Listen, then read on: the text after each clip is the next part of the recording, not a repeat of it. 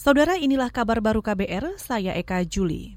Komisi Pemilihan Umum atau KPU mengklaim ada 180 kasus pelanggaran kode etik penyelenggara pemilu yang diselesaikan sejak Januari hingga Agustus tahun ini. Menurut Komisioner Komisi Pemilihan Umum atau KPU RI Ilham Saputra, daerah terbanyak terjadi pelanggaran adalah Bengkulu dengan 93 kasus, disusul Papua 17 kasus dan Sumatera Utara 16 kasus.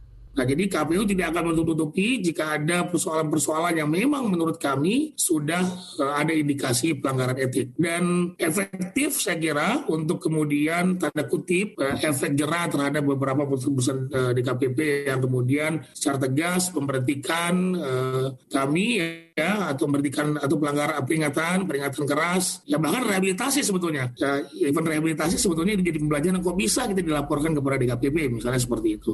Komisioner KPU Ilham Saputra mencontohkan kasus pelanggaran kode etik yang dilakukan penyelenggara pemilu di Kendal, Jawa Tengah dan Jambi. Pada dua kasus itu, KPU RI langsung berinisiatif melaporkan pelanggaran kode etik ke Dewan Kehormatan Penyelenggara Pemilu atau DKPP.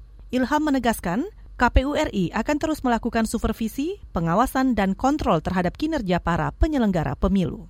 Masih terkait pilkada, saudara, lebih dari 800 aparatur sipil negara atau ASN dilaporkan karena diduga melanggar netralitas di pilkada hingga November ini. Dari jumlah itu, lebih dari 600 ASN mendapat rekomendasi sanksi dari Komisi ASN, di mana lebih dari 300-an di antaranya sudah ditindaklanjuti pejabat pembina kepegawaian. Ketua Komisi ASN Agus Pramusinto menyebut pelanggaran itu antara lain mengikuti kampanye dan melakukan sosialisasi pasangan calon kepala daerah di media sosial dan memasang spanduk semua ditindaklanjuti oleh BPK, yaitu baru 57 persen. Tetapi ini memang angka yang uh, signifikan peningkatannya. Sebelumnya sampai dengan 2018 masih di bawah 30 persen yang ditindaklanjuti oleh BPK. Sekarang sudah 57. Uh, mudah-mudahan dengan langkah-langkah yang kami ambil bersama dengan Kemenpan, BKN, kemudian uh, Kemendagri, tingkat kepatuhan untuk menindaklanjuti sanksi itu semakin kuat.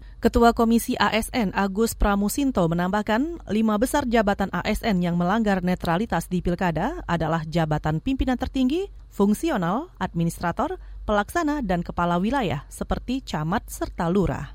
Kita ke lantai bursa. Nilai tukar rupiah terhadap dolar Amerika Serikat menguat di perdagangan pasar spot hari ini.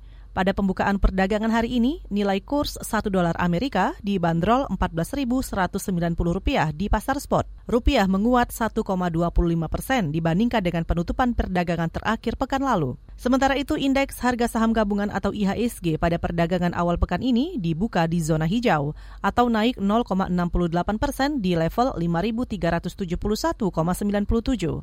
Selang 10 menit kemudian, IHSG masih merangkak naik 0,70 persen di level 5.373,08.